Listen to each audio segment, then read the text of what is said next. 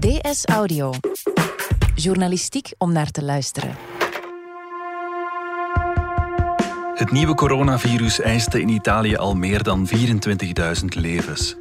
Het is daarmee na de Verenigde Staten van Amerika het zwaarst getroffen land ter wereld. De Italiaanse regering besloot twee weken geleden al de haast volledige lockdown van het land nog tot zeker 3 mei voor te zetten.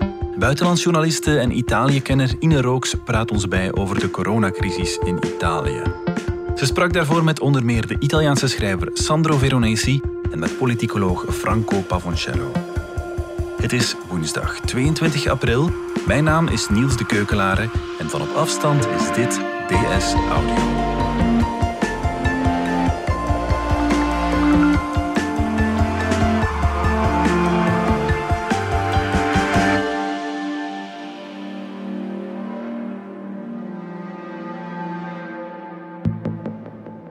Dag Ine, we hoorden het al. De situatie in Italië is nog altijd erg zorgwekkend. Ja, dat klopt zeker. Hè. Dus uh, de dodentallen per dag zijn nog altijd tot in de honderden. Er worden nog altijd schrijnende taferelen in volle ziekenhuizen gemeld. Maar er is toch, Niels, tegenover die hele zware piek die Italië heeft gekend, toch enige beterschap opkomst. En er is toch een kentering geweest. Het aantal doden daalt. En ook nog belangrijker misschien om eh, de trend van deze ziekte te kunnen duiden. Het aantal opnames op de intensive care afdeling afdelingen in Italië daalt ook. Dus dat geeft de Italianen enig gevoel dat er licht zichtbaar is aan het einde van de tunnel. Al uh, schreef de gezaghebbende krant Corriere della Sera onlangs nog dat um, er nu al eigenlijk in Italië zekerheid bestaat dat er een nieuwe piek van COVID-19 op komst is in oktober. Dat stond zeer feitelijk in die krant. En hm. ja, dat houdt de Italianen wel bij de les. Oké, dus er is voorlopig optimisme merkbaar, lijkt mij, met de nadruk op voorzichtig. Is het ook daarom dat de Italiaanse lockdown nu ook verlengd wordt tot 3 mei? Ja, klopt. Ehm, de regering heeft wel een uh, lijst gepubliceerd van een aantal winkels die na paasmaandag weer open zijn mogen gaan. Uh, daar waren wasserettes bij, daar zijn ook kledingwinkels bij voor kinderen en baby's. Mm uh, maar goed, het is een uh, beperkte lijst die regionaal ook heel veel uitzonderingen heeft. Dus in gebieden als Lombardije en Veneto is dat een andere lijst dan elders waar de epidemie minder hard toesloeg. Maar grosso modo is de datum die de Italianen nu in hun agenda hebben geschreven, is inderdaad 4 mei om enigszins uit deze heel strenge lockdown weer te komen. Ja. Mhm. En net als hier bij ons zijn ook in Italië de woonzorgcentra heel hard getroffen. Ja, klopt. Ehm, de woonzorgcentra en de, de doden die daar zijn gevallen zijn niet in de Italiaanse statistieken opgenomen. Dus het hoge aantal doden in Italië houdt met de sterftegevallen in woonzorgcentra en in verpleeghuizen voor bejaarden geen rekening. Mhm. Ehm, dus dat betekent dat waar uh, in ons land heel veel gesproken wordt over een mogelijke overschatting van het aantal coronadoden, dat in Italië andersom is. Dus de doden die daar zijn gevallen waren misschien COVID-19-patiënt, maar omdat ze niet bij leven of postuum waren getest worden, zijn niet allemaal bij die coronadodenstatistieken geteld, die dus mhm. in Italië al zo hoog zijn. Er is recent ook een grote polemiek ontstaan in een verpleeghuis voor bejaarden in uh, Milaan. Het is niet echt een woonzorgcentrum zoals wij dat kennen, maar dat is eigenlijk iets tussen een ziekenhuis voor mhm. bejaarden en een woonzorgcentrum. Daar zijn sinds maart 143 doden gevallen, veel hoger dan eh, de normale statistieken. En daar heeft het parket van Milaan een onderzoek naar doodslag geopend. Waarom? Uh, omdat uh, tot midden maart familieleden en vrienden op bezoek mochten komen, onbeschermd. Uh, en omdat er een brede waaier is van klachten van de nabestaanden van die doden, maar ook van het personeel daar, dat ze geen beschermend materiaal hadden en lang onbeschermd zijn blijven doorwerken in hmm. dat verpleeghuis. En dat wie mondmaskertjes van thuis meenam, zelfs um, verplicht werd die af te zetten tijdens het werk om geen paniek onder de bejaarden te creëren. Met als hmm. gevolg, um, waarschijnlijk is daardoor ook uh, die broeihaard ontstaan in dat verpleegtehuis en zijn daar een hoog aantal slachtoffers gevallen. Ik heb daarover gesproken met een uh, vakbondsvrouw in Milaan, Rosella del Curatolo, die de belangen verdedigt van de verplegers in dat getroffen centrum. E stanno male psicologicamente perché queste persone che facevano parte della loro vita, anche se lavorativo, li vedevano morire giorno uno, uno dopo l'altro. Rosella del Curatolo van de vakbond vertelt hier dat het bloedbad in het verpleegtehuis in Milaan volgens haar vermeden had kunnen worden. Ze vertelt ook dat het verpleegkundig personeel er kapot van is dat ze machteloos stonden, hè, omdat ze dus zo lang onbeschermd verder zijn blijven werken. Het parket van Milaan onderzoekt ook of er een verband is met een regionaal besluit dat in Lombardije is genomen begin maart om COVID-19-patiënten die aan de beterhand waren in de ziekenhuizen over te brengen naar woonzorgcentra en verpleegtehuizen voor bejaarden en uh, die bevolkingen met elkaar te mengen. Het was mhm. allicht een nobel bedoeld besluit om de ziekenhuizen te ontlasten, maar op die manier zijn al heel kwetsbare bejaarden in die woonzorgcentra met COVID-19-patiënten in aanraking gekomen. Onderzocht moet worden of die bejaarden voldoende beschermd waren en of mhm. die COVID-19-patiënten zijn overgebracht met voldoende bescherming. Dat loopt dus op dit moment en uh, maakt een hevige polemiek los in Italië. Ja. We hoorden het al aan de getuigenis van Rosella del Curatolo, de vakbondsvrouw. De coronacrisis heeft de Italianen niet alleen fysiek, maar ook emotioneel hard getroffen. Je sprak daar eind maart over met de Italiaanse schrijver Sandro Veronesi, zo konden we lezen in de krant. Wie is hij precies? Ja, Sandro Veronesi is een van Italië's bekendste auteurs. Heel populair. Hmm. Hij is een Toscaan. Hij komt uit Prato, maar hij woont al heel lang in de Italiaanse hoofdstad Rome. Is 61 jaar oud en uh, je kent hem wel van uh, het boek dat zijn grote doorbraak betekende, Kalme Chaos. Ja. Hij heeft in 2006 Premio Strega gewonnen. Dat is de meest prestigieuze literatuurprijs van Italië. En heeft pas een nieuw boek uit, De Colibri, dat ook een grote kanshebber is om de Strega voor een tweede keer te winnen. Ik heb hem dus enkele weken geleden opgebeld. We hebben een videogesprek gehouden omdat we het belangrijk vonden op de redactie ook om eens een beetje te kijken naar die emotionele kant van de zaak. Het doet natuurlijk iets met de psychologie van een land, van een natie, hè, om zo hard te bloeden, om zoveel mensen te verliezen. En het is fijn op zulke momenten om een schrijver die een beetje een vogelperspectief kan innemen ten opzichte van zijn eigen land en zijn eigen maatschappij daarover aan het woord te laten. Het is belangrijk dat we niet alleen artsen en virologen spreken, maar ook mensen die de, de verandering in de samenleving kunnen duiden. En ik vond dat hij eh, daar heel erg in, in slaagde. Hij gaf een aantal handvaten om uh, tot een groter begrip te komen over wat ons nu allemaal overkomt. Ja, wat blijft je vooral bij uit dat gesprek? Het viel mij op dat hij op bepaalde momenten veel politieker was dan ik verwacht had dat de Veronese over Italië zou spreken. Hij mhm. kwam vaak terug op politieke beslissingen tussen zijn filosofische beschouwingen door dan. Ehm, hij zei ook dat hij zich grote zorgen maakte om het leiderschap in het land en dat hij het, het niet makkelijk vindt om slecht tussen aanhalingstekens te praten over Italië, omdat hij nog meer van zijn land houdt dan normaal. Maar... Perché quando, quando parliamo di... Mi piace parlare male del mio paese, eh? Come? Mi piace parlare male del mio paese. Ma non sta, par... parlare male del mio paese. Ma non sta parlando male del suo paese, lo sta analizzando. Hij sprak dus ook een grote bekommernis uit om het leiderschap van, van Italië. Ine, is dat volgens jou algemeen het gevoel in Italië? Is er een grote onvrede over de manier waarop de regering de coronacrisis heeft aangepakt? Wel, dat is niet zo makkelijk om daar een uh, afgemeten antwoord op te geven. Er is een conflict, er is ongenoegen over het feit dat de lockdown blijft duren. Zeker bij noordelijke gouverneurs die de economie en die hun regio sneller willen heropenen dan het zuiden van het land, dat tot nu toe grotendeels gespaard is gebleven van het coronavirus. Of het virus heeft daar in elk geval veel minder snel, veel minder sterk gewoed. Eh, en bij het volk ja, is het een beetje dubbel. Um, er is grote kritiek gekomen vanuit de gezaghebbende krant Corriere della Sera op het regiobestuur van Lombardije. Mhm. Wijzend op het feit dat die gouverneur aandringt op heel veel autonomie. Maar Corriere stelt toen de regio en het regiobestuur die autonomie kon gebruiken door heel Lombardije af te sluiten, toen heeft dat regiobestuur veel te lang gewacht op de regering in Rome om mhm. die lockdown af te kondigen. Dus die kritiek is er zeker wel.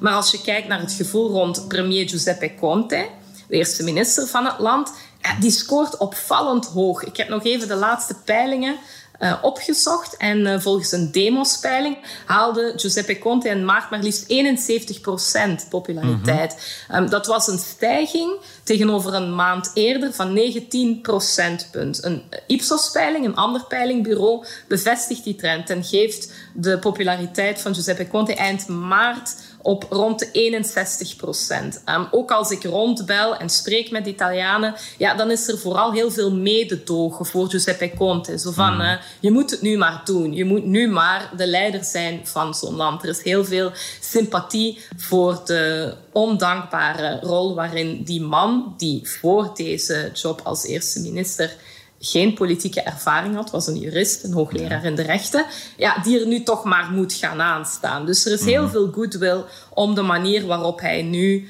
Italië vertegenwoordigt in Italië zelf en in het buitenland. Hmm, ja, iets helemaal anders. Uh, Veronesi zei ook dat hij vaak te horen krijgt dat de doden toch al andere ziektes hadden en ook behoorlijk oud waren. Ja, dat is een afschuwelijke uitspraak, zegt hij zelf. Ja, klopt. Ik vond dat zelf heel pakkend toen hij daarop wees. In het begin werd hier toch ook heel vaak in eigen land gezegd: ja, maar ze waren wel hoogbejaard en ze hadden al andere ziektes enzovoort. Alsof dat het zou relativeren. Hè? Alsof mensen die zonder het coronavirus nog 10, 15 jaar misschien nog twintig jaar in relatief goede omstandigheden hadden verder kunnen leven. Eh, alsof hun afscheid nu dan wel te relativeren valt. Dus ik kon me daar wel heel erg in vinden dat Sandro Veronesi dat zei. En ja, als een auteur natuurlijk uh, beliefd zei hij dat op een, uh, een heel mooie en emotioneel pakkende manier voor mij. Hij zei, mijn eigen ouders ben ik al lang geleden verloren. Maar nu, de bejaarden, de Italiaanse ouderlingen die sterven. Door dat te zien heb ik het gevoel dat mijn eigen ouders, zei Veronesi, wel honderd keer per dag opnieuw sterven omdat hij zegt, als je afscheid neemt van je eigen ouders, dan worden daarna alle ouderlingen jouw nieuwe ouders. Hmm. En dus hij, hij, zei ook, om een jong en gezond persoon gerust te stellen, zeggen we dus eigenlijk rustig. Het is eigenlijk alleen maar jouw vader die net is gestorven en die was toch al oud en hij had kanker vanuit die optiek dan, eh, Niels, van uh, ja, als je je eigen ouders kwijt bent, daarna worden alle ouderlingen eigenlijk jouw ouders. Invece di colpire i vecchi, colpisse i bambini, questo virus, la gente impazzirebbe. Sarebbero Sandro Veronesi zegt hier toch, dit virus vooral kinderen en niet oude mensen, dan zou de wereld nu doodziek worden van verdriet. Veronesi vraagt zich ook af wanneer we onze liefde voor ouderen eigenlijk hebben verloren. Hij zegt er waren andere tijden waarin de ouderlingen, de oudere generatie, de meest gezaghebbende was. In tijden van grote kindersterfte werd de dood van een kind veel sterker gerelativeerd. Het is goed, zegt Veronesi, dat die tijd voorbij is en dat we kinderen zo koesteren. Maar waarom, stelt hij eh, de retorische vraag, waarom betekent dat dat we dan minder warmte, minder liefde zouden moeten koesteren voor onze oudere generatie? Ja, het lijkt mij duidelijk dat de hele coronacrisis hem emotioneel raakt, maar ook ecologisch maakt het iets bij hem los. Hè? Zo vertelde Veronese jou ook dat de mens het echte virus is op deze planeet. Il vero virus sul pianeta Terra è l'uomo.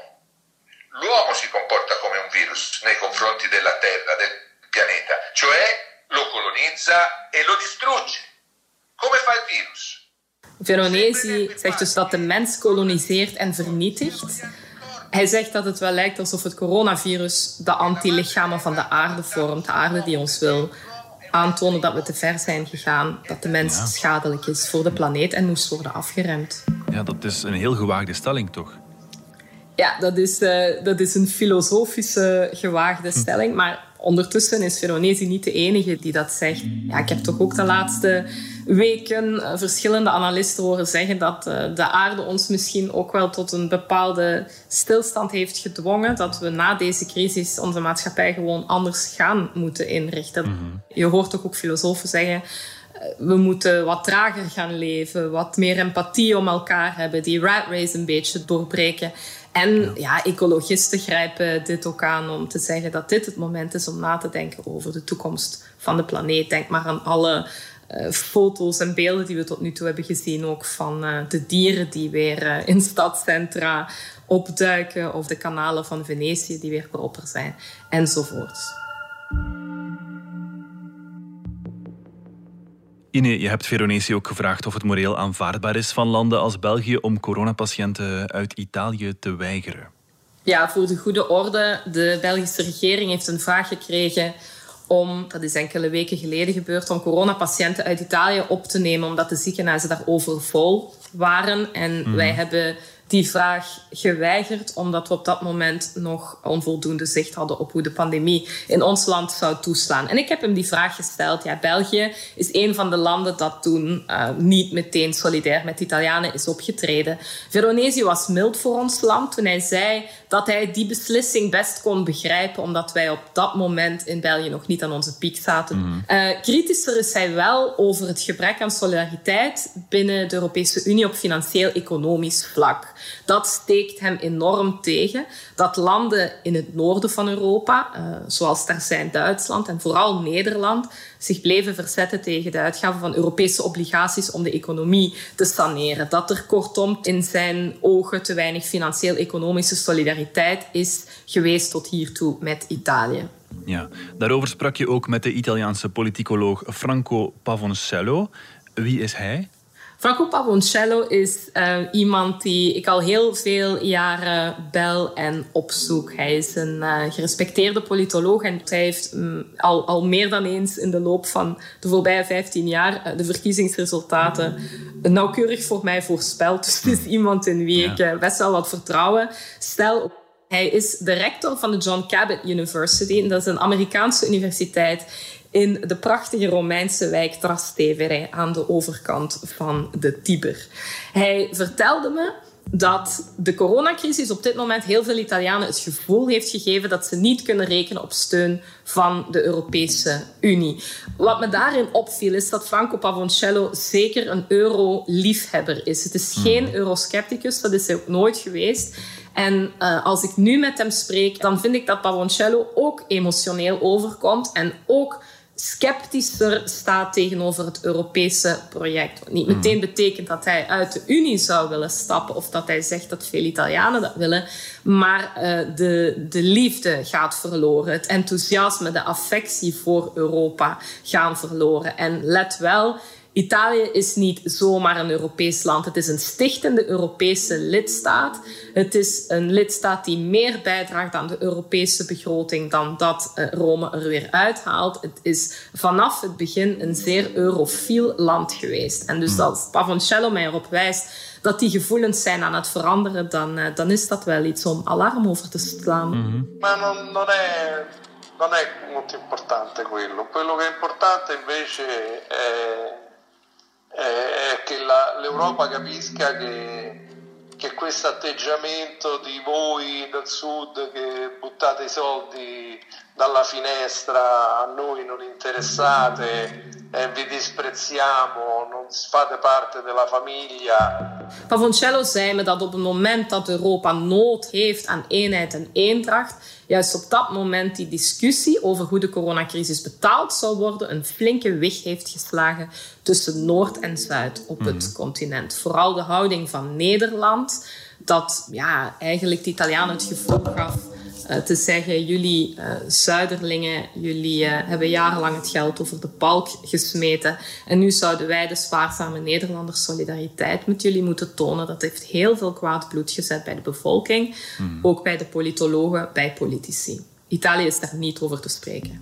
Ja, Italië voelt zich dus in de steek gelaten. Iets wat de sfeer op de Europese top van deze week niet echt ten goede komt, vermoed ik. Ja, zeker. Donderdag hebben zij een derde virtuele top, een videoconferentie, om te bespreken welke de financiële instrumenten zullen worden om de wederopbouw na deze coronacrisis te bekostigen. Mhm. Dat is zeker een belangrijk deel van de discussie, maar je voelt nu al dat wat er in het begin is gebeurd, het gebrek aan menselijkheid, zo voelen de Italianen het, het gebrek aan solidariteit, dat gaat dieper, mogelijk nog, dan die mhm. financieel-economische discussie, waar, waar je ook wel natuurlijk de noordelijke, de Noord-Europese standpunten enigszins in kan begrijpen. Maar wat bij zal blijven is, zoiets als Duitsland weigerde toen wij in nood zaten om mondmaskertjes met ons Italianen te delen. Dat is bijna bijbels. Dat is bijna waar was jij toen ik jou nodig had. En dat voedt het Italiaanse gevoel van verlatenheid op het Europese continent.